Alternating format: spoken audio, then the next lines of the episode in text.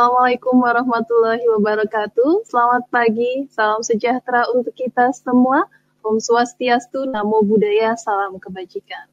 Bapak Ibu yang saya hormati, peserta pembatik pembelajaran berbasis TIK level 4 yang terhormat, terima kasih telah bergabung bersama kami dalam kuliah umum pembatik level 4 dengan tema Berbagi Inovasi Pembelajaran Berbasis TIK Mewujudkan Merdeka Belajar. Baik, Bapak Ibu, acara kita ini disiarkan secara langsung. Bapak Ibu bisa menyaksikan melalui kanal YouTube Kemendikbud, kemudian juga kanal YouTube Televisi Edukasi, kanal YouTube Rumah Belajar, dan juga Radio Suara Edukasi. Bapak Ibu yang terhormat, seperti diketahui bahwa beberapa hari yang lalu kita telah kehilangan seorang yang sangat kita sayangi, penggerak dari portal Rumah Belajar, motivator pendidikan bagi kita semua. Saya ingin mengajak Bapak Ibu untuk sejenak mengheningkan cipta, mengenang jasa-jasa beliau, yaitu Bapak almarhum Hendriawan Widiatmoko. Baik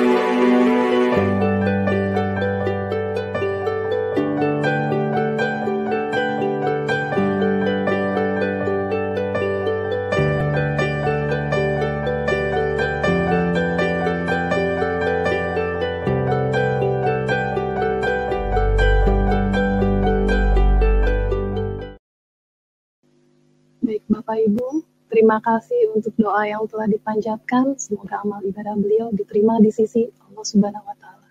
Amin amin ya robbal alamin.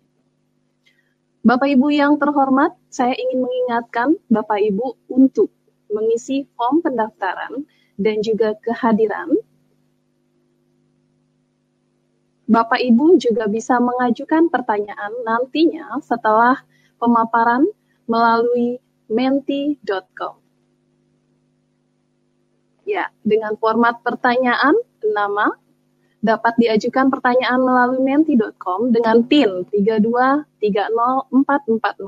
Sekali lagi, Bapak Ibu dapat mengajukan pertanyaan melalui menti.com dengan PIN 3230440 dengan format pertanyaannya adalah mm, pertanyaan underscore nama underscore nomor handphone underscore.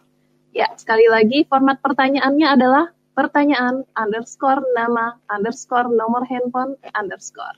Baik Bapak Ibu, seperti Bapak Ibu ketahui, pendaftaran juga bisa melalui http titik dua slash belajar kemdikbud.go.id slash kuliah umum. Sekali lagi, Bapak Ibu bisa mendaftar di kegiatan ini melalui http titik dua slash belajar kemdikbud.go.id slash kuliah umum.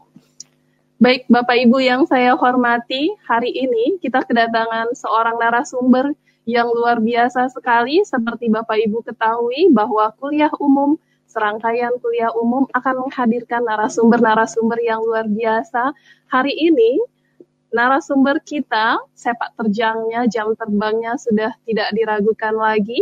Beliau uh, seorang presenter televisi yang mungkin Bapak Ibu semua sudah kenal dan beliau juga merupakan penulis buku bestseller yang berjudul The Power of Public Speaking. Beliau juga merupakan founder dari CBS School of Communication. Beliau bisa dicek lebih jauh di websitenya adalah www.charlesbonarsirait.com. Bapak Ibu, mari kita sambut bersama Charles Bonar Sirait yang akan membawakan materi pagi ini yaitu kiat sukses bagi para pendidik untuk berkomunikasi dengan publik.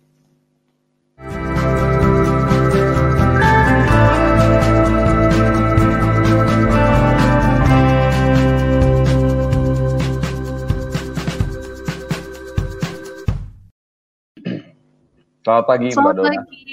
Selamat Apa pagi? Bang Charles. Alhamdulillah. Warahmatullahi wabarakatuh. Salam sejahtera. Salam sejahtera juga. Sehat Bang ya? Sehat, sehat Mbak Dona. Uh, segar semuanya, segar dan sejak tadi malam kalau mau tampil pagi hari ini itu apalagi uh, di forum teman-teman para pendidik dan guru selalu semangat, nggak tahu kenapa. Oh, uh, oh luar biasa, auranya mungkin ya. Iya, rasanya kalau untuk berbagi itu atau share gitu, nggak tahu kenapa memang udah dari sananya kali ya, memang kepengen aja rasanya tuh berbagi. Senang sekali untuk bisa sharing, interaksi. Kan kita masyarakat Indonesia itu memang masyarakat yang ya eh, apa namanya suka suka dengan berkumpul, tukar pendapat, eh, saling mendengar masukan, jawara gitu. Jadi hmm, sangat senang sekali. Terima kasih untuk eh, teman-teman uh, dari Pusat Data Informasi Pusdatin Kemendikbud uh, sudah diundang dan sudah diberikan kesempatan untuk bisa hari ini berbagi sifatnya yeah. berbagi lah. Bertukar pikiran juga. Mbak Dona sehat sharing ya? ya Mas ya. Alhamdulillah. Ya saya siap Mas. Uh, Bang Charles Bonar Sirait. Nah hari ini Bapak Ibu akan membawakan materi kiat sukses bagi para pendidik untuk berkomunikasi dengan publik. Sudah siap ya Bang ya? Ya sudah siap. Oke, okay. silakan semuanya... Bang, saya serahkan ya. waktu kepada Abang untuk melakukan pemaparan. Baik, terima kasih sekali lagi. Assalamualaikum warahmatullahi wabarakatuh. Salam sejahtera, salam, Om Swastiastu, uh, Namo Buddhaya, salam kebajikan untuk kita semuanya. Sekali lagi terima kasih untuk Kementerian Pendidikan Kebudayaan. Ada Mas Menteri yang kemarin saya lihat, Mas Nadiem Makarim, yang uh, juga merupakan teman. Lalu terima kasih juga untuk Kapus Datin, PLT Kapus Datin, Bapak Hasan Habibi. Uh, terima kasih. Dan saya terus terang sampai hari ini juga masih uh, turut merasakan duka cita yang mendalam karena pada saat kami mempersiapkan acara ini ataupun berdialog dengan teman-teman Pusdatin melalui grup WA, melalui Zoom, saya sempat bertatap muka walaupun saya belum mengenal secara jauh. Saya saya sempat berkomunikasi dengan almarhum Pak Hendriawan. Sekali lagi ini merupakan uh, duka cita yang mendalam buat saya pribadi karena saya baru saja berkomunikasi dengan beliau lebih sekitar ya beberapa hari yang lalu kami uh, sempat kontak-kontak melalui Zoom juga. Tapi ya Tuhan berkata lain Tuhan lebih sayang kepada beliau. Dan pagi hari ini mudah-mudahan apa yang saya bisa persembahkan untuk bangsa dan negara dan juga untuk Pusdatin Kemendikbud uh, ini adalah penghargaan dari saya uh, dan juga rasa apresiasi yang begitu tinggi buat dedikasi Pak Hendriawan yang saya tahu banyak sekali berkarir untuk eh, inovasi-inovasi yang ada di Pusdatin Kemendikbud. Mudah-mudahan kita semuanya bisa meneruskan kiprah dan juga inovasi-inovasi yang sudah beliau torehkan di Pusdatin Kemendikbud. Pagi hari ini sesuai dengan topik yang diminta oleh teman-teman di Pusdatin, yang mungkin uh, relevan dengan kompetensi saya ataupun dengan apa yang saya lakukan dan kecintaan saya tentang komunikasi adalah bagaimana uh, kiat sukses dari para pendidik untuk bisa berkomunikasi dengan publik. Karena tidak terlalu banyak uh, yang saya uh, waktu yang terlalu banyak yaitu mungkin satu setengah jam itu rasanya uh, pasti kurang ya. Tapi uh, saya mencoba untuk mulai melihat kembali refleksi kepada hal yang dekat dengan diri saya, yaitu hal yang konkret dengan diri saya adalah uh, apa yang sudah saya lakukan. Karena kalau saya terlalu banyak ke teori, mungkin pasti akan banyak kurangnya. Karena hari ini teknologi, kalau Bapak Ibu semua para pengajar, para pendidik, uh, mungkin saya bisa minta lambaikan tangannya dulu, supaya saya juga bisa semangat. Ya, saya melambaikan juga. Semoga sehat terus. Saya senang dengan Bapak Ibu sekalian Bapak Ibu tidak sendiri uh, karena saya juga sejatinya selain mungkin dikenal sebagai uh, apa namanya artis ataupun presenter di televisi, saya sesungguhnya juga adalah pendidik. Uh, nah, sebagai sebagai bukti bahwa saya pendidik dan saya juga sama dengan Bapak Ibu. Jadi jangan kecil hati kalau misalnya tidak ada di kota besar, uh, kita jauh dari kota Jakarta, nggak usah khawatir karena teknologi hari ini pasti memampukan kita untuk bisa saling support dan saling mendukung. Saya sangat mendukung karir Bapak Ibu dan saya berada di belakang Bapak Ibu sekalian. Ini bukti kecintaan saya terhadap Bapak Ibu sekalian. Saya pernah menulis buku berjudul Public Speaking for Teacher. So, kalau Bapak Ibu nanti ikut berpartisipasi dan pertanyaannya uh, yang yang paling menarik nanti bisa dipilih, ada satu buah buku dari saya Public Speaking for Teacher. Nanti kalau ditanya kapan buku ini terbit lagi, ini bukunya sudah terbit sekitar tahun 2014, tidak beredar lagi di toko buku. Nanti kita dorong Kapus Datin atau PLT Kapus Datin sama Mas Menteri untuk kita cetak ulang dan kita berikan semuanya ke Bapak Ibu secara gratis. Setuju ya? kalau setuju angkat jempolnya. Ya. Oke. Terima kasih ya mudah-mudahan doakan saja mimpi saya tersebut bisa terlaksana. Nanti kita ngomong sama Mas Menteri dan Pak PLT Kapus Datin. Kita cari caranya dan mudah-mudahan saya juga bisa tampil di TV edukasi dan rumah belajar dan lain sebagainya. Dan juga bisa bermitra dengan Bapak Ibu sekalian. Sekali lagi, kita masuk ke materi presentasi saya. Tidak banyak yang bisa saya sampaikan, tapi saya mencoba untuk uh, melakukan refleksi, melakukan flashback. Apa sih yang sebetulnya perjalanan kurang lebih dari 2014 atau 2008. Uh, eh, dari 2008 saya memutuskan untuk menulis buku. Jadi karir saya uh, ada di berbagai macam industri. Bapak Ibu bisa lihat di websitenya charlesbonarsirait.com. Saya pernah jadi bankir, saya pernah menjadi uh, pelaku di bidang advertising agency. Saya profesional di bidang advertising. Lalu saya juga sangat lama mencicipi bidang pekerjaan di industri hiburan, di entertainment, di broadcast, di televisi. Sehingga tampaknya sangat beruntung ya dunia pendidikan karena semua pengalaman tersebut akhirnya bermuara di satu profesi saya sekarang yang cukup lama, yaitu sejak tahun 2008. Sejak saya menulis buku The Power of Public Speaking, akhirnya uh, membuat saya mau tidak mau uh, menjadi pendidik. Karena memang buku adalah salah satu uh, produknya dari pendidikan. Nah, kita lihat di halaman pertama, ini mungkin bisa uh, cepat saja. Next, teman-teman yang bisa membantu mengoprit. Ya, ini adalah dua karya buku saya yang terakhir.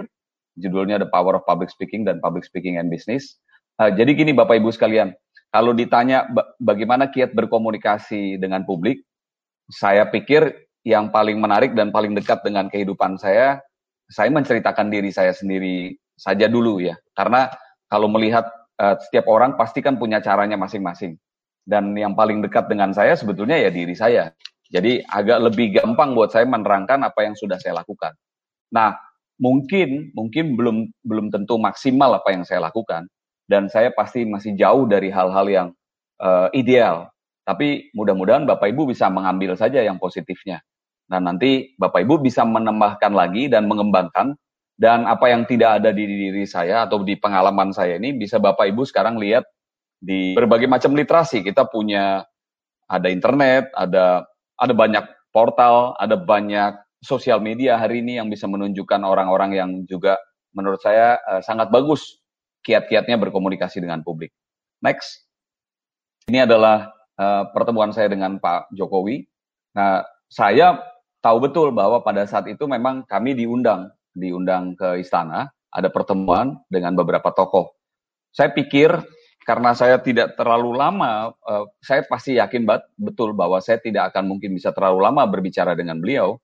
Maka uh, untuk lebih mudah saya membawa karya saya.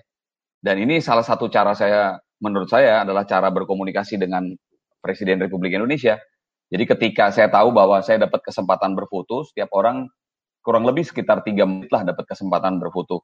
Ya sudah, saya bawa buku dan saya sampaikan Pak Jokowi, terima kasih sudah diundang dan saya pikir ini adalah karya saya untuk pendidikan dan ini saya berikan untuk Pak Jokowi. Jadi lima menit itu pada saat setiap orang berfoto kan ada sekitar 100 orang diundang ke istana. Saya pikir nggak banyak waktu untuk saya bisa menerangkan apa yang sudah saya lakukan dan bagaimana saya uh, begitu cintanya saya terhadap dunia pendidikan. Ya sudah, saya uh, menemukan cara singkat dan ide dan kreativitas saya bawa aja karya saya. Jadi kalau Bapak Ibu punya karya, sebaiknya karya tersebut juga jangan disimpan saja, tetapi harus disampaikan kepada publik, harus dipublikasikan, harus di harus diberitahukan lah kepada publik. Next. Ini adalah visi misi dari lembaga yang saya pimpin, CBS School of Communications. Nanti Bapak Ibu juga bisa lihat di beberapa apa uh, Instagram ataupun di website kami. Saya sendiri uh, melahirkan CBS School of Communications itu dengan visi menghasilkan sumber daya manusia Indonesia yang cerdas uh, dalam bidang komunikasi publik. Nah, silahkan Bapak Ibu juga pasti punya visi misi sendiri, tapi pasti kita memiliki kesamaan cara pandang, yaitu kita memiliki uh, kesamaan cara pandang untuk menghasilkan manusia-manusia yang cerdas dan manusia-manusia yang memiliki uh, tingkat pendidikan yang lebih tinggi lagi. Next. Berikutnya, uh, ya ini saya mulai dengan uh, materi saya sendiri, pelatihan saya sendiri itu nanti akan mulai kira-kira di slide ke-20 sampai dengan ke terakhir. Nah, saya sengaja terbalik sekarang justru saya menampilkan foto-foto ataupun lintas peristiwa yang pernah saya uh, lakukan agar Bapak Ibu bisa melihat bisa melihat apa yang sudah saya lakukan. Ini adalah beberapa foto setiap saya sebelum melakukan pelatihan, saya memotret Nah, ini adalah dengan teman-teman di BNI. Ya, ini adalah para jajarannya. Jadi saya mengajar mereka. Next. Ya, ini adalah dengan juga teman-teman uh, di BNI yang uh, pada saat yang berbeda. Kalau yang tadi itu ada di uh, eh, BNI Learning Center yang ada di Semanggi, kalau ini yang ada di kota di Gajah Mada atau di Hayamuruk, sorry, di stasiun kota. Jadi ini berkumpul dengan para profesionalnya. Next, itu saya ada di tengah-tengahnya, cuma mungkin kecil sekali. Nah, ini adalah salah satu foto yang saya masih ingat pada saat saya mengajar di Bank Mandiri. Saya berada di tengah, itu yang berbaju hitam, dan uh, semua orang menggunakan kemeja warna putih. Saya harus cari cara lain untuk bisa berkomunikasi dengan mereka. Di panggung saya minta, kalau Bapak Ibu lihat ya di panggung itu ada beberapa kursi yang saya minta untuk jadi uh, tempat untuk melakukan role play. Saya sering kali juga melakukan role play. Next, next. Ini adalah uh, beberapa sebelumnya, Mas. Sebelumnya, Mas dan Mbak, itu tadi ada foto saya bersama dengan, iya, saya selalu menyempatkan memberikan certification dan juga uh, penghargaan kepada para teman-teman yang sudah mengikuti sesi komunikasi yang saya pandu itu dan saya mengabadikannya dan saya uh, mengingat betul nama-nama mereka dan saya masih sering kontak-kontak dengan mereka. Next. Ini adalah suasana saya mengajar di salah satu kelas. Uh, saya minta teman-teman untuk bisa mengambil dalam shot yang jauh. Jadi Bapak Ibu bisa melihat bahwa saya berada di tengah. Berikutnya. Ya, ini adalah foto-foto yang sama juga. Itu saya ada di depan dan ini adalah murid-murid saya. Next. Ini adalah murid-murid yang saya minta untuk berdiri dan untuk bisa melatih kemampuan berbicara mereka. Berikutnya. Nah, ini adalah beberapa materi publikasi yang pernah saya tulis dan juga saya sampaikan ke publik. Ini masih belum masuk ke materi kita. Ini adalah buku pertama dan di sebelah kanan itu saya buku saya uh, sempat diterima oleh Cornell University Library di New York. Jadi saya pada saat saya berikan buku tersebut, ya saya juga ngomong ke pihak Cornell University-nya, boleh nggak di supaya kita ada otentik, ada bukti otentik bahwa kita berinteraksi, ada dokumen yang bisa anda rilis nggak? Dan mereka melakukan merilis satu surat ya. Dan surat itu sampai sekarang masih saya pegang dan juga saya publikasikan. Artinya ya publik juga perlu tahu kalau kalau kita sebagai seorang pendidik memang betul pernah melakukan sebuah karya, kalau bisa ada dokumen pendukungnya. Next. Ini adalah buku yang berikutnya eh, karena setelah buku yang pertama tadi bestseller diminta untuk dicetak ulang dan dilakukan inovasi dan perbaikan berikutnya. Next. Ini adalah buku-buku yang eh, dicetak ulang lagi oleh penerbit Gramedia karena terus mencapai penjualan yang baik. Berikutnya masih sama mungkin. Nah, ini adalah buku yang Bapak Ibu tadi sudah saya tunjukkan. Jadi ini buku sebetulnya tahun 2014. Buku yang sudah cukup lama dan saya sudah cek ke pihak penerbit tidak diterbitkan lagi. Nah, memang merupakan sebuah merupakan sebuah keinginan dari saya, ada keinginan besar dalam diri saya supaya saya bisa menerbitkan ulang. Nah, mudah-mudahan Pusdatin bisa diajak kerjasama. Next. Nah, nanti Bapak Ibu bisa mendapat manfaatnya. Saya juga pada saat uh, beberapa saat kalau saya tergerak, saya punya ada ada fenomena internasional ataupun nasional yang menarik perhatian saya. Uh, saya biasanya meluangkan waktu untuk menulis. Jadi ya memang itu menulis, membaca, mendengar adalah salah satu kegiatan yang paling relevan dengan kita, dengan para pendidik. Jadi kalau ada fenomena sosial seperti COVID-19, nah kira-kira apa yang bisa menjadi apa ya, bisa menjadi perhatian atau masukan ataupun mungkin sumbang saran dari kita menarik eh, kalau Bapak Ibu juga bisa menulis dan mengirimkannya kepada media massa. Next. Ini adalah salah satu tokoh ya yang saya pikir menjadi teman kami diskusi, Pak Renald Kasali. Beliau juga sudah punya rumah perubahan, jadi saya pikir saya juga tetap harus dekat uh, berjajaring gitu loh. Uh, saya nggak mungkin bisa bekerja sendiri, sama seperti hari ini saya lakukan, saya ingin berjejaring dengan Bapak Ibu, ingin bersahabat. Ini adalah Prof. Uh, Renald Kasali yang mendirikan rumah perubahan. Saya pikir itu juga jadi salah satu salah satu ide besar bahwa ternyata pendidikan itu bisa dikelola secara profesional, secara populer, dan rumah perubahannya sendiri sangat populer. Ini saya membuat uh, video yang belum saya pernah publikasi dengan beliau. Mungkin nanti kita juga cari waktunya kapan yang tepat.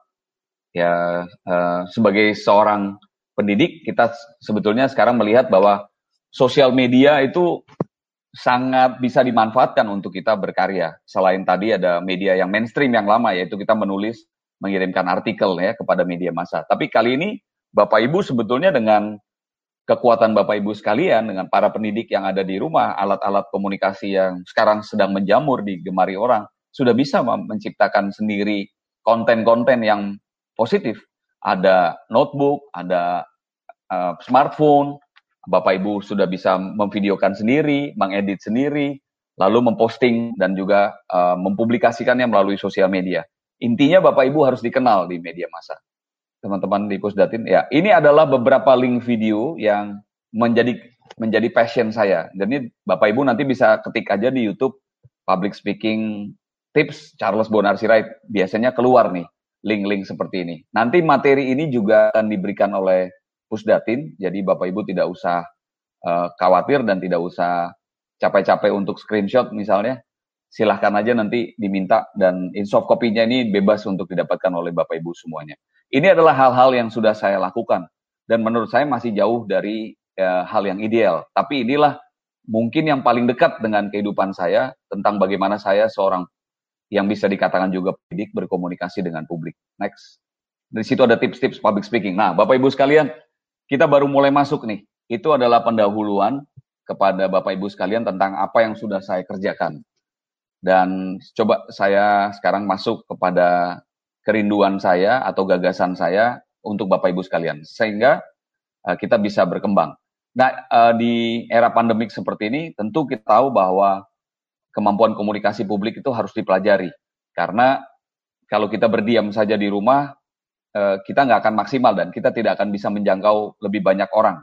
Kalau cuma satu dengan satu orang, sayang sekali. Nah, hari ini kenapa saya senang? Karena saya satu melalui interface ataupun platform ini saya bisa bertemu dengan banyak pihak. Itu saya sangat suka sekali dan itulah yang disebut dengan komunikasi publik.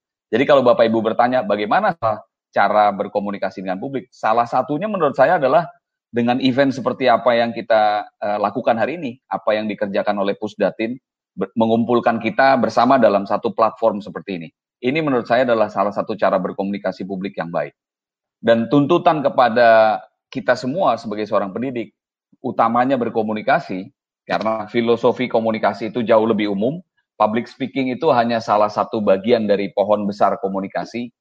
Pohon komunik yang lebih besar lagi adalah ilmu komunikasi, tapi public speaking itu hanya bagian kecil saja. Nah, saya sangat memiliki memiliki perhatian dan saya sangat menyukai kedua hal tersebut. Nah, kira-kira apa hal yang akan kita bahas selama kurang lebih satu setengah jam ke depan? Tadi saya mulai jam 9, berarti saya harus berakhir kurang lebih sekitar jam 10.30. Itu pun sudah dengan tanya jawab. Jadi mungkin waktu saya hanya tinggal 30 menit lagi. Yang pertama, saya ingin share bahwa sebelum kita melakukan segala macam aktivitas ataupun bentuk komunikasi publik baik itu yang sederhana maupun rumit. Saya pikir kita kuasai dulu saja pola komunikasi yang sederhana itu paling tidak ada tiga faktor yang kuat di dalam sebuah komunikasi. Pertama, pengirim pesan, kedua adalah pesan, dan ketiga penerima pesan. Itu saja dulu. Nah, berikutnya nanti akan ada hal bahasan tentang uh, bagaimana impactful communication. Berikutnya ada persuasive communications, dan yang terakhir adalah personal branding. Nah, kenapa ada kaitannya dengan personal branding? hari ini kita mulai menemukan ada mungkin bisa dibilang bias, tetapi bisa juga disebutkan itulah uh, pasar hari ini. Uh, pasar pada saat ketika saya masih berusia sekitar lima tahun sampai dengan 15 tahun pada saat saya masih menempuh pendidikan di bidang apa sekolah dasar, saya tidak terlalu kenal dengan apa yang disebut dengan dengan sosial media, apa yang disebut dengan gadget, Eh, nggak ada produk-produk itu. Saya adalah generasi X yang Bapak Ibu sudah bisa tebak lah sekarang usia saya berapa. Sehingga pada saat saya lahir saya tidak dijejali dengan sosial media, dengan smartphone dan alat-alat uh, eh, IT yang lain. Dan pada saat itu saya tidak terlalu mementingkan seorang guru populer atau tidak. Seorang guru yang akan saya masuki kelasnya itu punya followers berapa, punya sosial media apa saja, uh, punya bisa jadi viral ataupun trending topik apa enggak. Saya enggak terlalu peduli terhadap itu. Karena sosok guru yang yang saya terima pada saat saya masih kecil itu adalah sosok guru yang uh, memang saya tahu persis merupakan produk yang lahir dari generasi di atas saya yaitu generasi mature dan generasi baby boomers. Guru-guru yang punya uh, kemampuan untuk mengingat sejarah, guru-guru yang bisa bercerita, guru-guru yang bisa membangkitkan semangat. Nah, tapi hari ini saya mau sampaikan bahwa kita berhadapan dengan pasar yang sudah begitu dinamis. Anak-anak yang menjadi salah satu pasar dari Bapak Ibu sekalian ataupun menjadi konsumen Bapak Ibu sekalian, itu sudah punya guru-guru yang lain. Guru mereka itu namanya YouTube, Instagram dan yang lainnya. Dan mereka semuanya itu sangat terpengaruh dengan satuan ukur yang diciptakan oleh kemajuan teknologi hari ini. Followers, interactions, engagement, dan semua istilah-istilah yang lainnya, konten yang menarik, uh, konten yang viral, konten yang trending topik, uh, likes yang banyak menjadi penting. Saya mengatakan bahwa hal itu itu yang disebut dengan sering kali saya menilainya itu bias. Tapi saya juga memahami bahwa hari ini mereka sebetulnya adalah konsumen kita. Sehingga kalau kita jauh dari mereka, maka sesungguhnya kita nggak akan pernah bisa menarik perhatian mereka terlebih dahulu. Jadi kita tahu bahwa teknik-teknik mengajar atau teknik berkomunikasi dengan publik pada saat zaman 10-20 tahun yang lalu sangat berbeda dengan hari ini. Nah menurut saya, uh, saya setuju dengan teknologi dan sosial media, tetapi saya nggak terlalu setuju juga sepenuhnya bahwa kita harus terlalu tergantung. Sehingga ini kita yang harus bisa melakukan balancing antara uh, antara sosial media dengan kompetensi kita. Yang ideal menurut saya seorang guru mungkin perlu populer, tetapi pada saat yang sama kompetensinya harus seimbang dengan popularitasnya. Nah, kalau hari ini kita lihat ada banyak orang yang tiba-tiba dengan sosial media popularitasnya lebih tinggi, lalu kompetensinya uh, tidak seimbang, maka yang terjadi di sini adalah gap Nah, saya berharap kita semua bisa mengisi gap tersebut sehingga kalau kalaupun kita belum populer, nah kita naikkan popularitas kita untuk mengejar kompetensi kita atau mengejar popularitas guru-guru yang lain. Apakah penting populer itu? Ya nanti kita bisa jawab dan kita bisa diskusikan. Menurut saya penting tetapi tidak harus menjadi yang mutlak. Nah, itu ada kaitannya nanti dengan personal branding, di personal branding. Tapi sejatinya seperti ini. Komunikasi ataupun sebuah pesan itu memang akan menjadi jauh lebih bermakna ketika yang menyampaikannya itu berpengaruh. Itu mungkin bahasa yang lebih menarik. Jadi kalau ditanya apakah Bapak Ibu hari ini saya eh, saya harapkan bisa populer, saya mungkin lebih senang dengan istilah berpengaruh. Berpengaruh. Berpengaruh itu bukan saja populer, tapi kompeten. Lebih dari sekadar popularitas. Nah, bagaimana cara mempopulerkan diri? Ya, nah silahkan di di Pusdatin mungkin banyak juga literasi tentang itu dan mungkin ada pembicara-pembicara lain yang lebih kompeten di bidang itu. Jadi itu uh, lebih mikro lagi pembahasannya. Bagaimana bisa lebih populer di YouTube, bagaimana lebih populer di Instagram, bagaimana populer di Twitter dan lain sebagainya. Uh, setiap platform itu memerlukan uh, effort yang berbeda-beda. Next. Yang pertama dulu, ya ini sesederhana ini. Dari gambar seperti ini, Bapak Ibu bisa lihat, itu ada seorang anak kecil di ujung yang memainkan permainan lama ini, mengirimkan suara melalui media. Jadi anak kecil inilah yang pria kurang lebih analoginya seperti saya dan Bapak Ibu pendidik. Lalu seutas tali ini dan juga ada alat seperti ini adalah medianya media itu sekarang bisa macam-macam, bisa pertemuan tatap muka, offline yang yang dulu kita sering kerjakan, tapi sekarang menjadi tidak sering kita kerjakan karena pandemi COVID-19 ini, berarti menjadi virtual, menjadi online. Lalu ini adalah penerima pesannya, yang wanita ataupun adik kecil yang menggunakan warna uh, baju warna pink.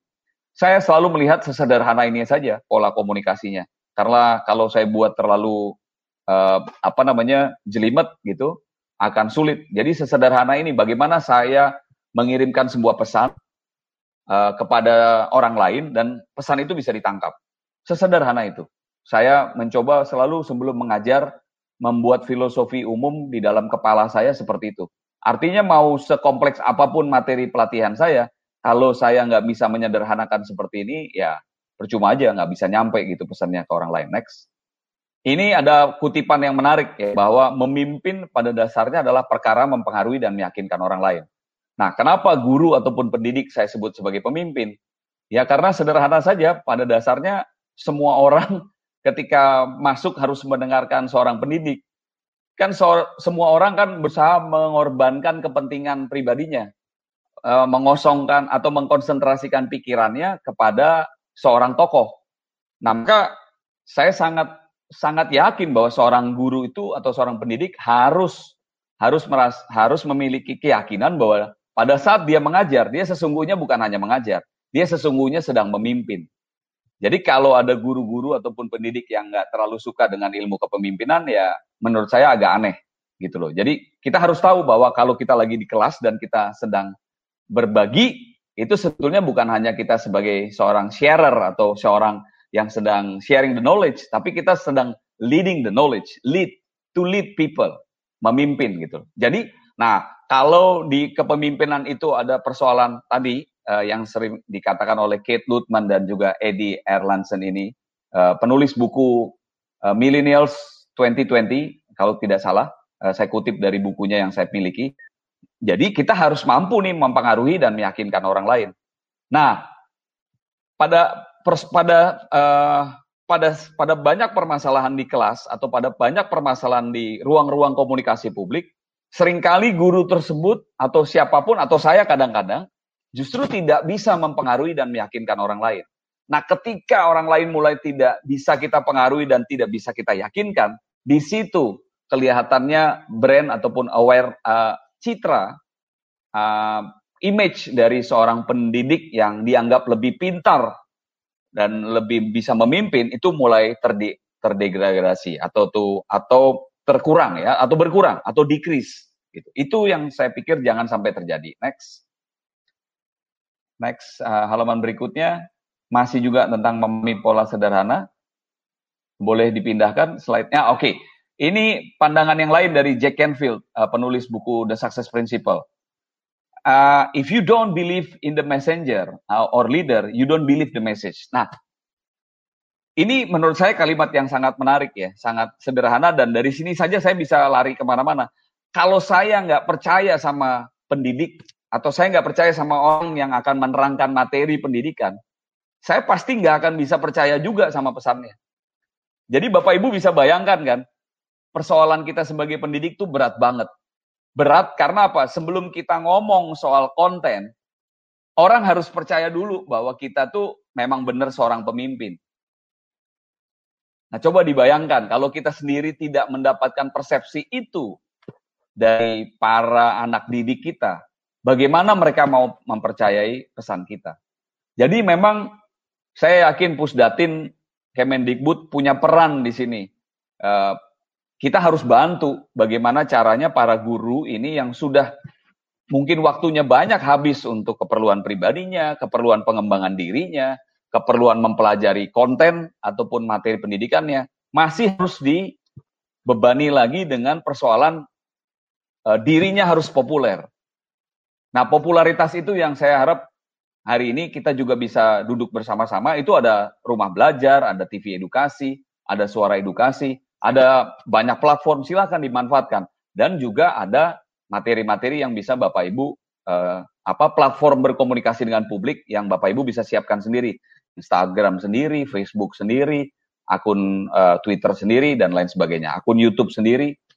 Jadi Bapak Ibu memang harus bisa dipercaya gitu loh. Dan untuk mendapatkan kepercayaan dari publik itu memang tidak mudah. Ya tadi dibina, dibangun terus. Uh, harus seperti tanaman dipupuk terus, nama, nama baik, reputasi itu terus harus dipelihara. Next. Halaman berikutnya. Nah, ini adalah gambar-gambar saja. Jadi menurut saya Bapak Ibu adalah pusat perhatian dari publik. Maka harus sadar betul bahwa penampilan Bapak Ibu di depan publik itu harus menarik. Nggak boleh ada salah sedikit pun atau ada yang ya kurang estetik sedikit pun. Biasanya ya itu saya alami pada saat saya berada di industri televisi. Rambut kita lain sedikit aja orang komentar, ya kan? Baju kita ada yang tidak sempurna sedikit aja kita jadi komentar. Jadi memang jadi guru ini memang harus harus bisa mengambil nilai-nilai sebagai seorang performer atau seorang entertainer lah. Next. Pusat perhatian publik. Bapak Ibu juga harus mampu menarik perhatian publik. Kita nggak terbayang kalau di kelas Bapak Ibu semuanya setelah diajar ada yang tidur, ada yang uh, dimatikan uh, kamera videonya. Saya paling nggak mau tuh kalau saya ngajar kamera videonya dimatikan. Saya selalu minta sama mahasiswa saya buka semuanya. Harus seimbang dong. Masa gurunya aja yang kameranya diaktifkan, muridnya semua juga harus. Dan itu menunjukkan kenapa Bapak Ibu itu menunjukkan bahwa mereka memperhatikan. Kalau kameranya dibikin pada status off, kan kita tahu eh, mahasiswa ataupun pelajar kita ini sedang memperhatikan kita atau mengerjakan hal yang lain. Jadi nanti pada saat semua kelas online, peraturan yang harus dibuat itu pertama adalah buka itu kameranya.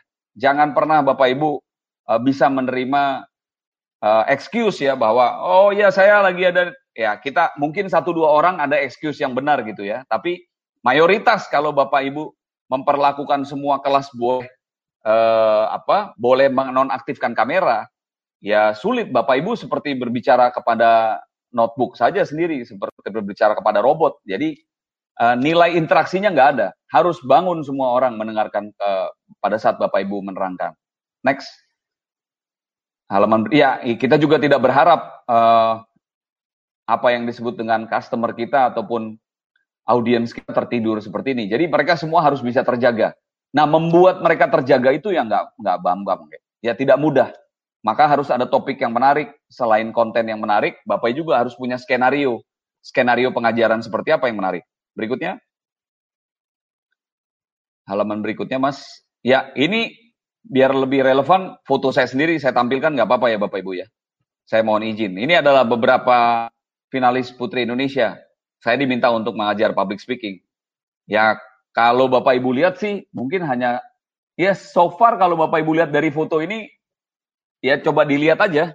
Ada nggak mereka yang tidur? Mudah-mudahan sih nggak ada ya. Nah saya selalu selalu bermain juga dengan kemampuan uh, syaraf mereka supaya bisa terbuka terus gitu loh. Jadi kalau mereka ada yang ada yang tidur mereka merasa akan rugi banget gitu. Next nah ini adalah impactful communication kita masuk. Boleh dibesarkan sedikit, Mas, supaya saya bisa lebih membaca slide-nya dibesarkan ya. Saya dikecilkan aja. Jadi impactful, impactful itu sebetulnya adalah impactful is an adjective that has some meanings. Uh, dia uh, memiliki pengertian bahwa impactful itu adalah memiliki kekuatan untuk mendapatkan rasa pras, rasa bersimpati, rasa simpati. Jadi kalau ini nggak bisa kita dapatkan dari pendengar kita, memang agak sulit pengajaran itu pindah.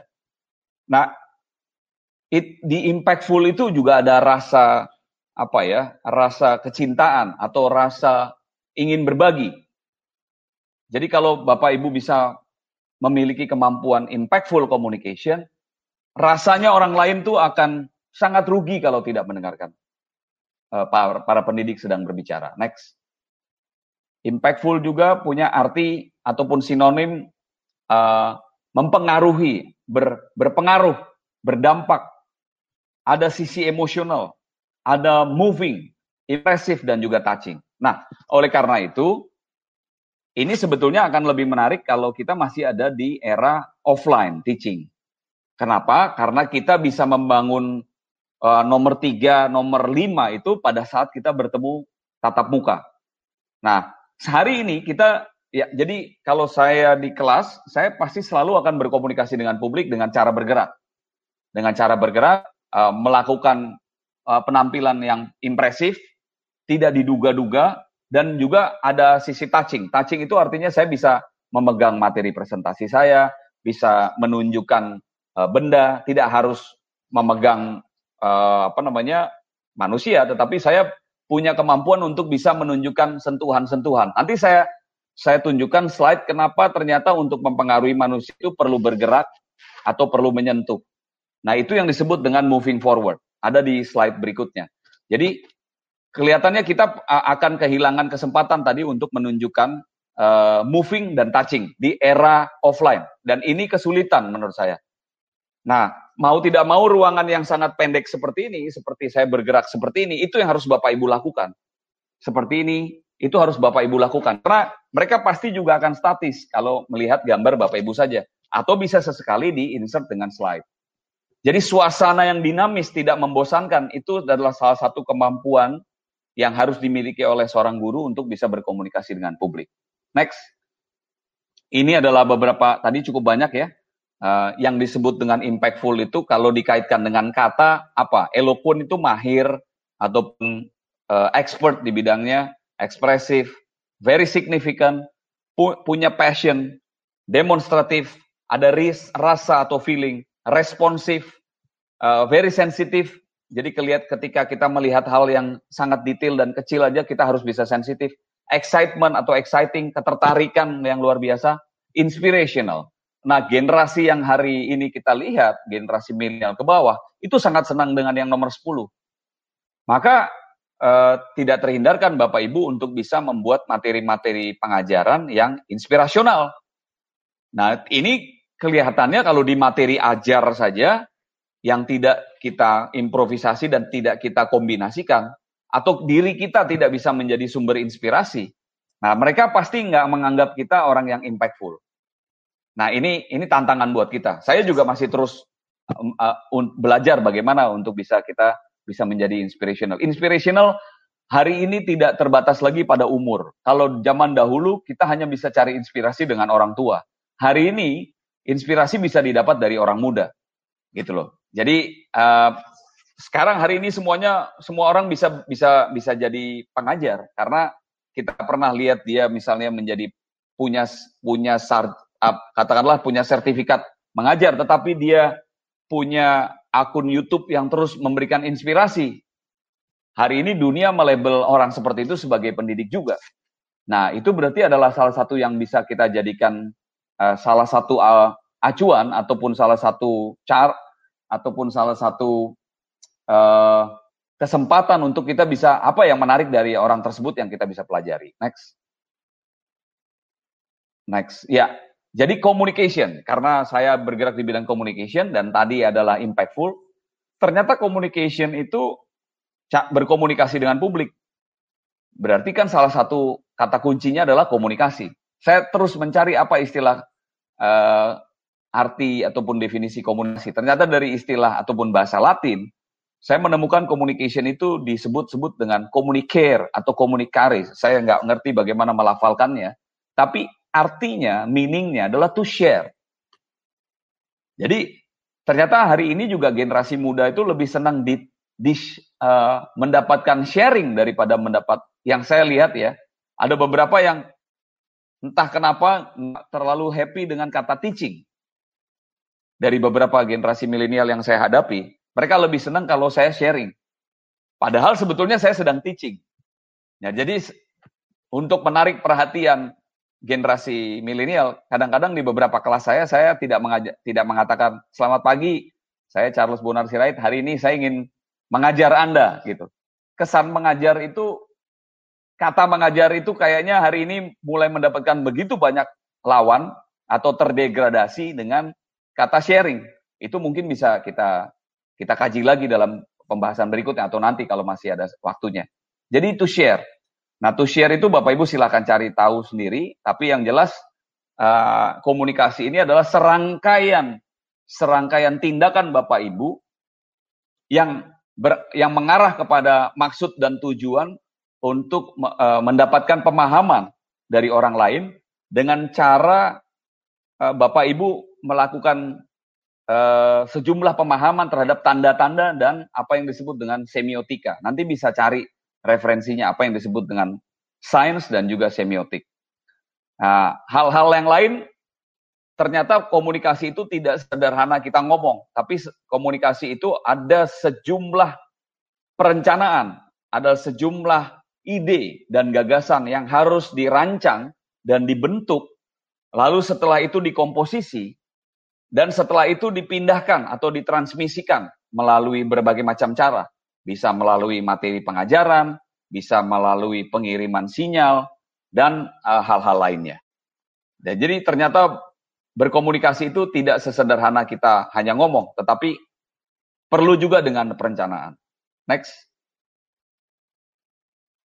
Ya, ini adalah tanda-tanda yang tadi saya sebut dengan uh, impactful ataupun communication. Jadi ada affecting, emotional, moving, impressing, impressive dan touching. Ini perlu dilakukan dengan berbagai cara. Jadi nggak bisa misalnya kita membuat game atau kita membuat satu permainan atau kita membuat suatu role play. Kita harus terus selalu berubah. Apalagi dalam waktu misalnya kita mengajar dua jam, tiga jam. Kalau role play-nya begitu-gitu terus, pasti uh, kemampuan untuk bisa menyentuh emosi, impresif dan lain sebagainya akan berkurang. Jadi harus dilakukan dengan berbagai macam approach dan perspektif. Next.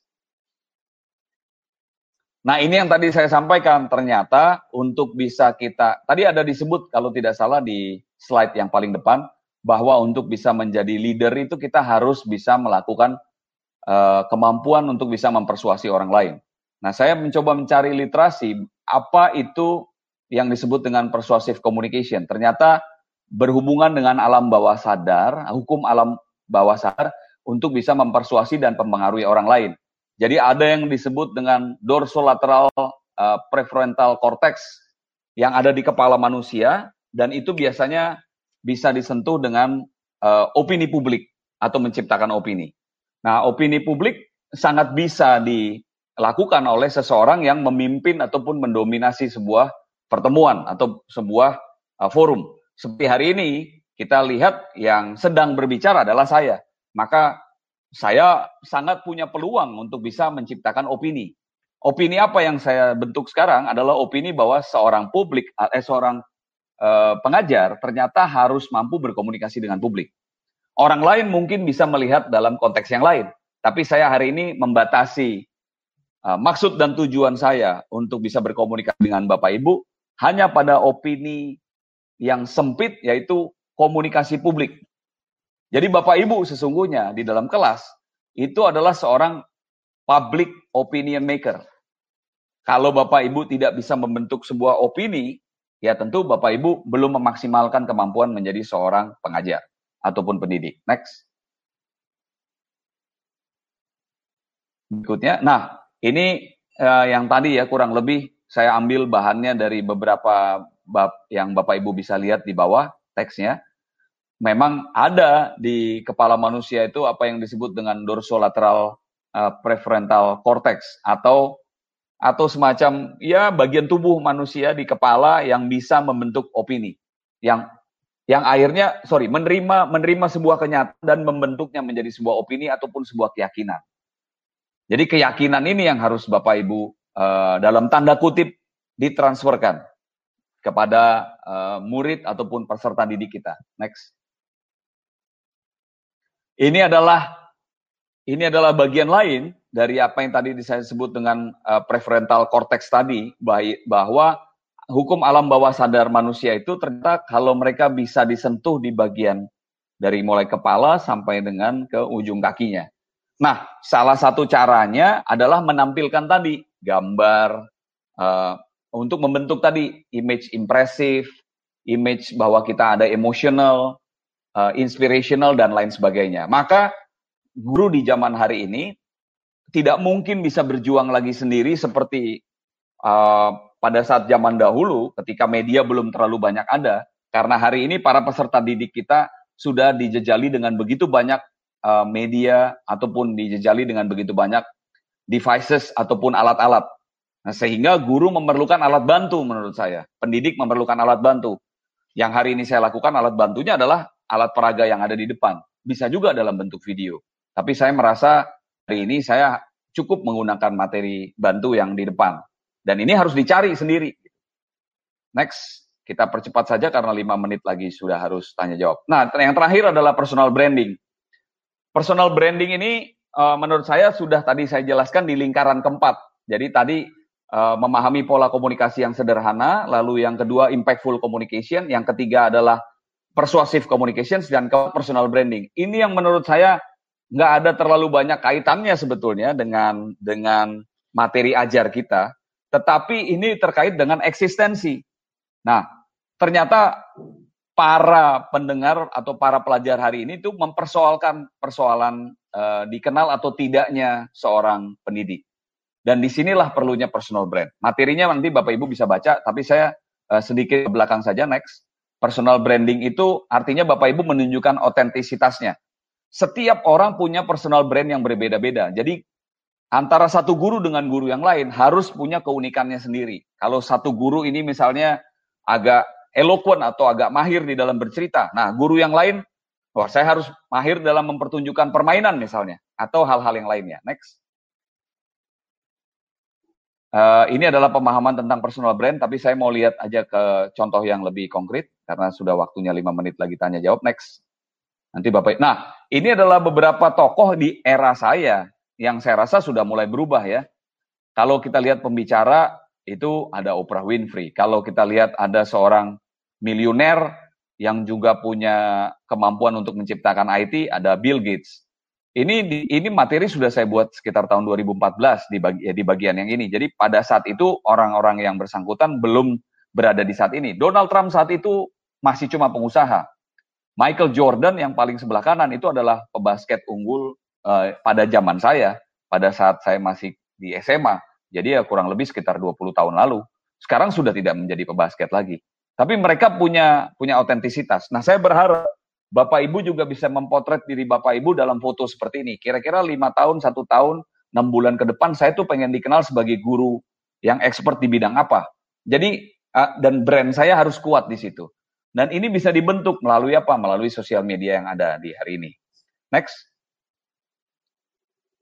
Nah, ini adalah bagaimana cara kita bisa membuat uh, personal brand. Ada frameworknya, internal, uh, financial, external, dan knowledge dan learning. Ternyata knowledge dan learning itu sangat penting buat kita. Sehingga kalau ada keinginan untuk menambah gelar ataupun menempuh tingkat pendidikan yang tinggi, itu adalah salah satu cara untuk menaikkan brand. Tapi brand bukan hanya bisa dibangun dengan itu, tapi ada hal-hal juga yang bisa dibangun dari internal kita, dari keluarga kita, family kita. Eksternal adalah orang-orang yang di luar, termasuk mungkin uh, kalau internal mungkin juga bisa disebut internal organization kita Kemendikbud atau Pusdatin ya. Eksternal adalah faktor-faktor di luar Kemendikbud. Ini ada ada hal-hal yang Bapak Ibu bisa lihat, ada personal vision, personal ambition dan lain sebagainya.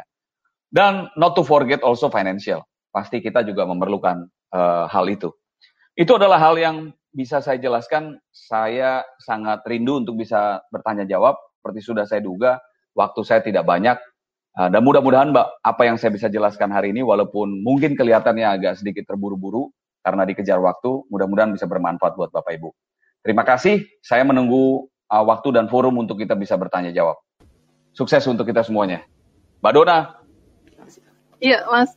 Saya terus pesona sekali uh, Bang Charles ini dengan pemaparannya. Jadi sudah teruji sekali. Luar biasa public speakingnya. Jadi tadi sesuai dengan yang disampaikan oleh Bang Charles bahwa harus bisa ya memiliki kemampuan untuk menarik perhatian. Jadi ini sudah teruji. Saya sampai tidak bosan dari awal sampai akhir mendengarkan dengan seksama. Nah, itu karena kerjasama yang oke okay antara saya bersama dengan Mbak Dona dan juga Pusdatin. Baik. Kalau ya. saya menurut kalau menurut saya, Bang, akan banyak ya. pertanyaan yang disampaikan oleh para peserta yang ingin membutuhkan jawaban dari Bang Charles ini. Ya, ya saya akan bacakan pertanyaan pertama dari Ibu Riani Rohmawati. Jadi uh, pertanyaannya adalah Mengapa saya masih sering tremor saat berbicara di depan publik, apalagi jika memegang mic, padahal sudah merasa tenang dan tidak deg-degan? Ya, okay. itu Bang. Itu bisa saya jawab sekarang langsung?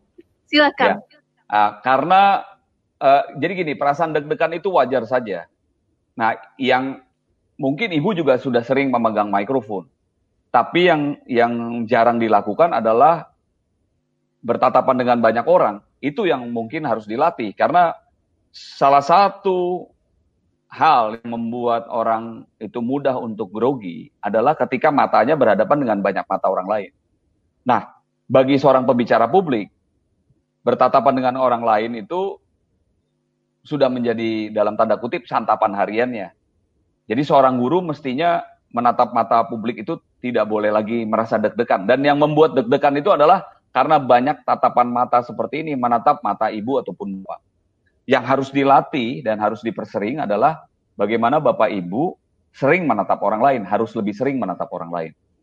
Gitu. Itu yang perlu dilakukan. Dan melakukan hal seperti ini, uh, melakukan webinar seperti ini, itu menurut saya adalah salah satu latihan yang tidak bisa dihindari. Sekian Mbak Dona jawaban saya. Iya. Uh, jadi begitu ya Ibu ya, harus sering latihan. Jadi kata orang practice make perfect gitu ya, Bang ya. Betul, betul. Iya. Oke, pertanyaan selanjutnya uh, saya akan pilih dari Zoom langsung ini Bang Charles. Kita akan memanggil satu orang penanya yang akan membacakan pertanyaannya secara langsung. Sudah siap, Bang? Ya, sudah siap. Ya. Oke, uh, baik Bapak Ibu silahkan ditampilkan Zoom-nya. Saya akan memanggil Bapak Rola Fardila untuk memberikan pertanyaannya. Saya belum terlihat Zoom di saya. Bang Charles sudah terlihat ya? Oke, ini sudah, dia. Sudah, sudah lihat. Bapak Rola Fardila, silahkan ajukan pertanyaannya. Pak Rola, saya nggak bisa dengar suaranya. Masih masih mute suaranya sepertinya, Pak. Boleh diklik unmute? Sudah? Ya, ya sudah. Sekarang saya sudah. Ya. Sudah bisa dengar. Bismillahirrahmanirrahim. Ya. Assalamualaikum warahmatullahi wabarakatuh. Apa kabar Pak Rola? Selamat siang Bang Charles Bonar Sirait. Selamat siang. Bu Dona. Terima kasih atas kesempatannya yang luar biasa ini. Perkenalkan saya Rola Fardila dari Jawa Barat. Ini saya mau bertanya masalah grogi, tapi sekarang masih grogi. Jadi seperti ini, tadi saya chat ke admin, ya. bahwa guru sejatinya sebagai pendidik mampu menguasai kelas dengan strategi dan media. Jadi ya. karena setiap hari bertemu dengan siswa, itu guru perfect di kelasnya. Hanya ketika di publik, itu kadang-kadang misalnya di kemasyarakatan atau di kegiatan ya. lain. Muncul grogi, tadi disampaikan yang pertanyaan pertama itu grogi. Saya berpikirnya ini adalah kompetensi saya pribadi. Ini berbicara pribadi Bang ya, secara ya. pribadi atau memang itu ada hal lain dari mentalnya. Jadi kalau mental kan ini berbicara fisik. Kalau berbicara fisik itu harus bisa dikembangkan secara literasi juga kan tetap kita baca, kita kuasai ilmunya. Ketika praktek tadi sampaikan ketika syuting itu kadang-kadang grogi. Bang saya sudah lihat channel abang ada tiga channel YouTube, tapi betul ya abang itu bukan orang yang populer di YouTube. Subjeknya yeah. itu hanya lima ratusan, hanya seratus berapa. Kemudian tadi yeah. saya cek di WordPress-nya itu postingan terakhirnya 2014. Artinya sepakat bahwa popularitas itu tidak menjamin bahwa kita menjadi show up. Saya sangat semangat sekali, tapi bang saya juga youtuber. Artinya saya berbicara untuk belajar public speaking itu dengan YouTube.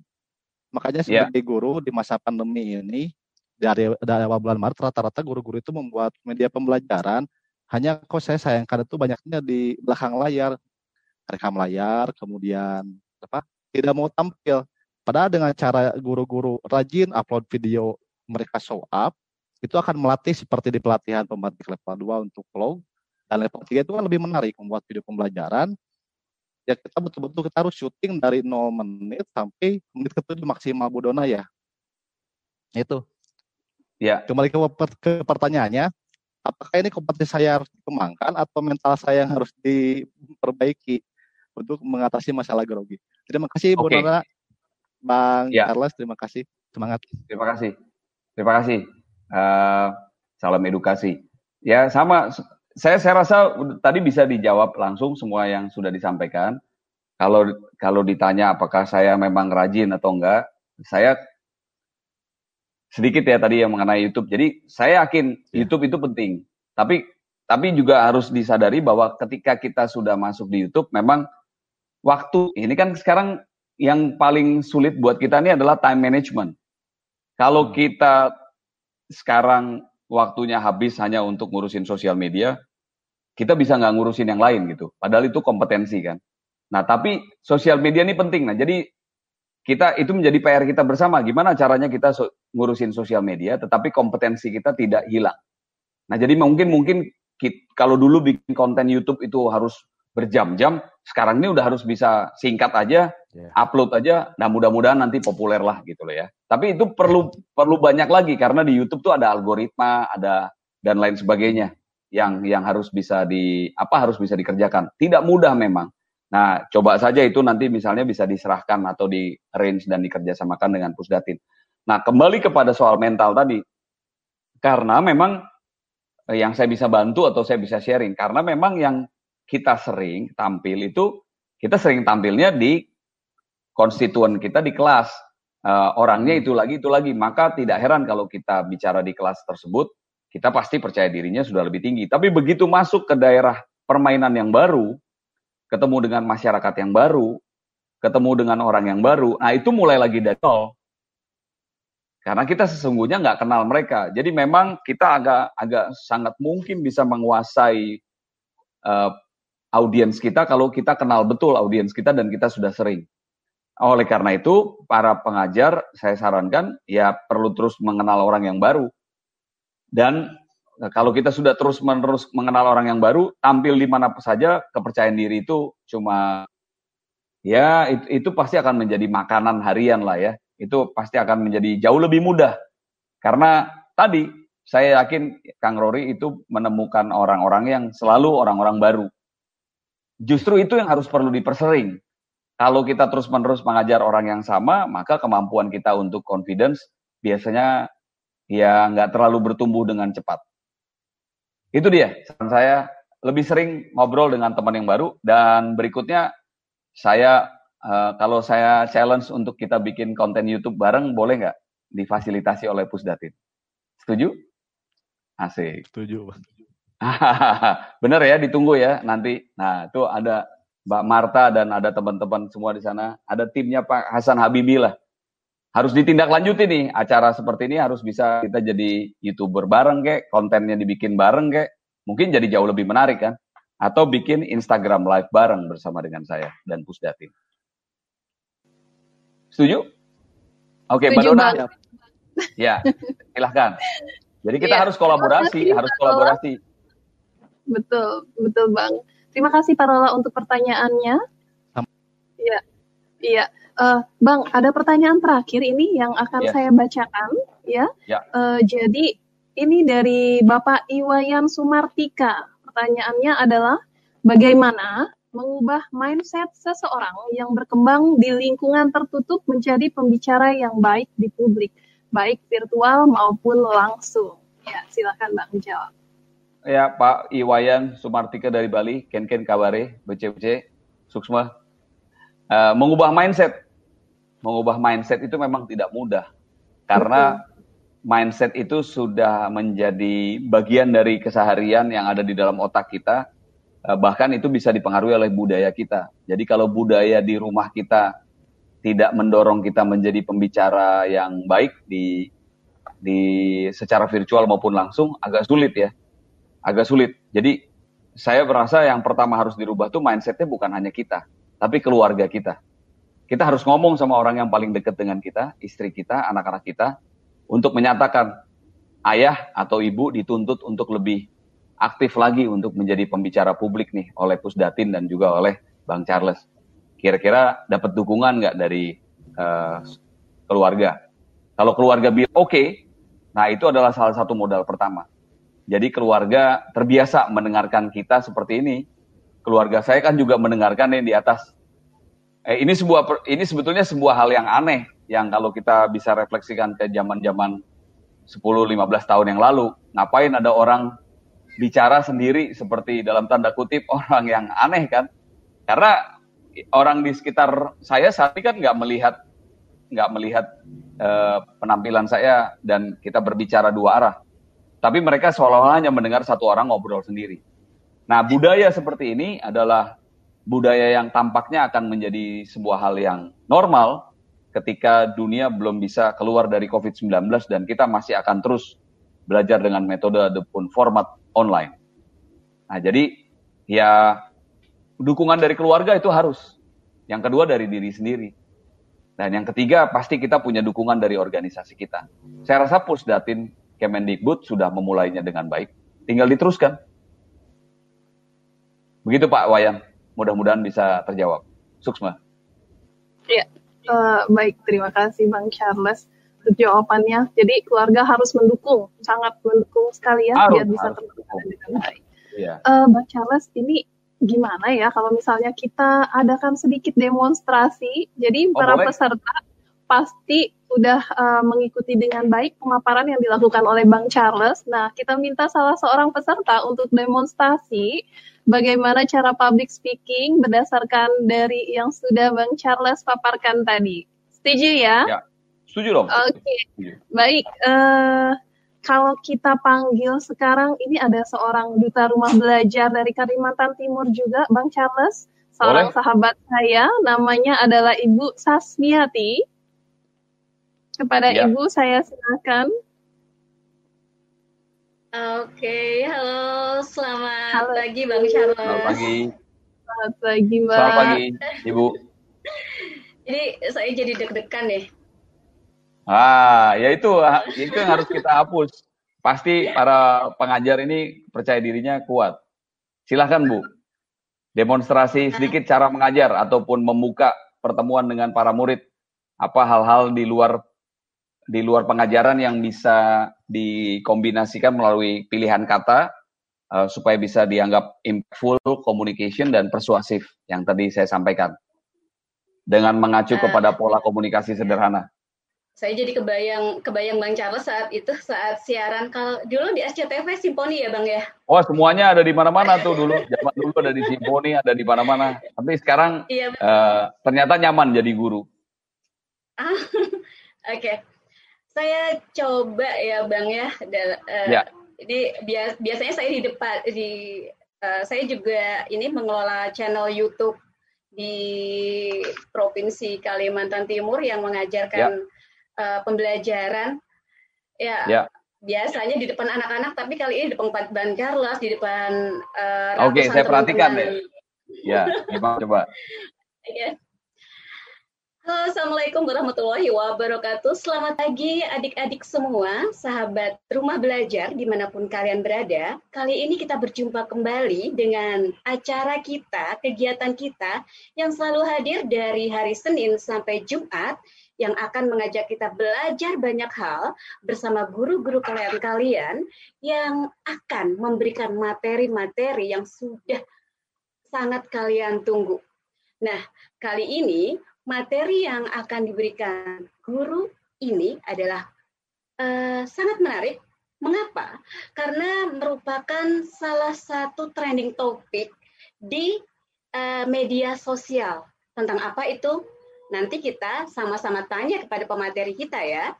Dan yang kedua, uh, sebelum kalian tahu, sebelum kalian uh, sebelum kalian belajar, tentunya kalian harus mengenal uh, presenter kita nantinya. Nah, kali ini presenter kebanggaan kita, presenter yang kalian tunggu-tunggu adalah Bang Charles Bonar Sirait. Siapa mereka? Uh, maaf, siapa dia?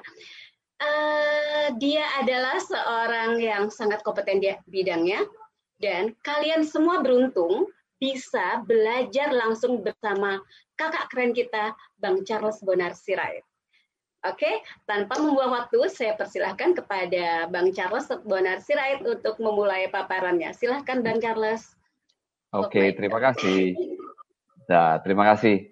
Ya, uh, terima kasih sudah sudah bisa on the spot membuka membuka forum pengajaran seperti itu. Jadi sebetulnya seorang guru itu juga sama seperti seorang pembawa acara ya, harus bisa menarik perhatian dan Bagian dari menarik perhatian ini ada di impactful communication dengan persuasive communication. Itu yang memang nggak mudah. Dan harus terus dilatih, gitu loh. Harus terus dilatih. Uh, ya, nanti kita kita kita coba kumpulkan Mbak Dona. Ada lagi atau enggak yang mau kita coba seperti ini demonstrasinya? Atau hanya Mbak Dona ada di mana? Bisa ditampilkan? Teman-teman pusdatin masih di ya Mbak Dona. Ya, ya. ini uh, salah satu uh, dengan belajar kita Bang ya cukup satu saja ya. sepertinya demonstrasi speakingnya. Mungkin bisa Bang Charles untuk uh, berikan saran dan masukan. Ya tentu kalau saran dan masukan secara detail dan khusus ya kita akan akan melalui format yang lain ya. Karena kalau untuk uh, live streaming seperti ini belum tentu terlalu efektif. Tapi secara umum memang eh tadi uh, gestur badannya, wajahnya, smile, menarik perhatian itu saya rasa sudah bisa menarik perhatian orang lain. Hanya karena diminta secara on the spot kan pasti ada kalimatnya yang ataupun kata-katanya yang terbata-bata. Saya juga seperti itu kalau harus tampil uh, belum tentu bisa juga perfect ya 100% karena kalau live seperti ini pasti kita banyak juga hal yang kita lagi cari-cari kalimat apa di kata di kepala kita tapi nggak dapat dapat gitu loh. Jadi ketenangan tetap perlu kita pelihara supaya tidak terlalu terlihat kalau kita itu memang sedang grogi. Nah, salah satu yang mungkin harus dipelajari adalah tadi bagaimana tetap lebih tenang, uh, grogi, tidak terlihat groginya, tapi pada saat yang sama bisa ketawa, bisa ramah, dan bisa mempengaruhi orang. Kalimat tanya juga perlu digunakan. Berapa banyak di antara Anda yang sudah mengetahui bahwa dengan mempelajari matematika, ternyata otak kita terbiasa untuk dilatih berpikir secara sistematis. Itu adalah kalimat tanya. Kalimat tanya banyak bisa digunakan juga untuk mempengaruhi orang lain. Atau apa yang disebut dengan persuasif. Itu yang mungkin belum digunakan. Itu dulu, Mbak Dona. Iya, siap. Kalimat tanya ya jadinya ya. ya perlu yeah. di, uh, ditekankan di poin dikasih poin untuk uh, dilatih terus menerus. Begitu ya bang ya? Betul ya, betul. Bapak sama Ibu, sama seperti uh, sama seperti saya sekarang bertanya mbak Dona yang baik uh, sudahkah anda menikmati ataupun mengambil makan siang anda? Belum. Pasti jawabannya belum. Ya karena ini masih jam 10 ya. Paling tidak itu membuat mbak Dona tertawa dan tertarik Oke, okay, terima kasih. Ya, itu salah satu yang bisa digunakan triknya oleh para guru. Oke, siap-siap. Bapak Ibu, terima kasih untuk seluruh pertanyaan yang diberikan. Banyak sekali loh Bang pertanyaannya, tapi mohon maaf banyak? kami tidak bisa membacakan. Gimana? Iya. Ada berapa banyak pertanyaannya? Banyak ya? Banyak. Bo boleh tolong dikirim nanti melalui grup WA ataupun melalui email. Uh, ngomong-ngomong, satu buah buku saya ini Nah, itu nah. dia. Jadi kita akan memilih satu orang yang akan uh, Bang Charles berikan bukunya tadi dari empat orang yang tampil, tiga pertanyaan dan satu duta rumah belajar. Silahkan Bang Charles pilih akan memberikan kepada siapa. Jangan ke saya yang jelas Bang, saya nggak ikutan tadi. Saya boleh pilih ke ada persyaratan nggak milihnya harus ke mana kan? Tadi pertanyaan oh, cukup banyak tuh. Persyaratannya apa ya? Nggak ada ya? Ya, yang yang serk aja deh mungkin. Iya, ya saya coba berikan pertanyaan, saya coba berikan hadiah ini atau satu buah buku Public Speaking for Teacher ini yang saya tulis itu ke ibu kita yang baru saja tadi demonstrasi yang di Kalimantan. Yeay. Ibu Sasmiati. Ya? Iya, Bu Sasmiati ya. Ini buat Bu Sasmiati. Semoga terpacu lagi nanti. Dan buat guru-guru yang lain kita tunggu deh. Kita tunggu Siap, nanti karya-karya berikutnya kolaborasi dengan Pusdatin Kemendikbud. Ya, saya tunggu sekali karena di Jambi memang di Gramedia sudah tidak ada lagi. Kemarin sudah saya cari. Sudah nggak ada, betul. Kita cetak ulang ya. Gitu. Kita, ya. kita cetak ulang. Kita kita minta sama Pak Hasan Habibi dan Mas Menteri, Mas Nadim. Setuju. Kita tunggu kolaborasinya. Setuju banget ya.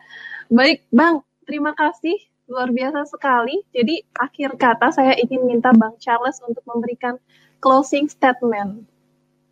Ya, Bapak Ibu sekalian, para pendidik dan para guru di Republik Indonesia, teman-teman semuanya sebangsa dan setanah air, saya sangat senang sekali kita bisa ketemu hari ini difasilitasi oleh Pusdatin Kementerian Pendidikan Kebudayaan Republik Indonesia.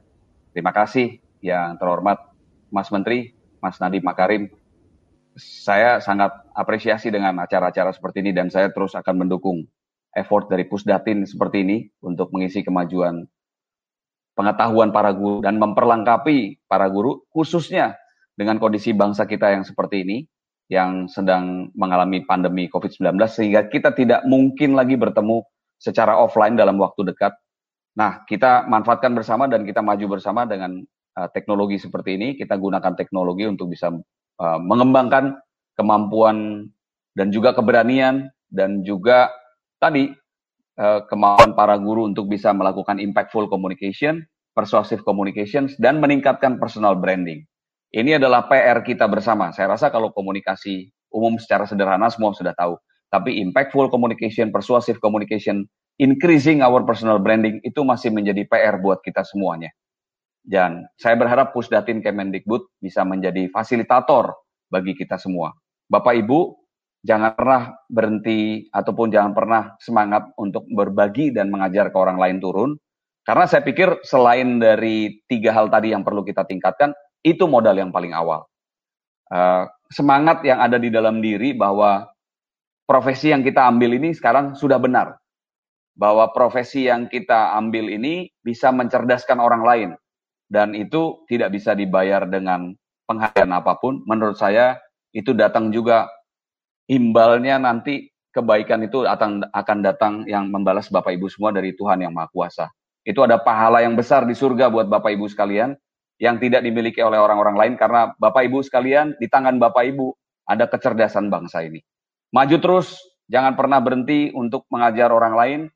Salam edukasi, salam pendidikan, Salam sehat buat kita semua. Wassalamualaikum warahmatullahi wabarakatuh. Salam sejahtera, sukses untuk kita semua. Shalom, Om Swastiastu, Namo Buddhaya, salam kebajikan.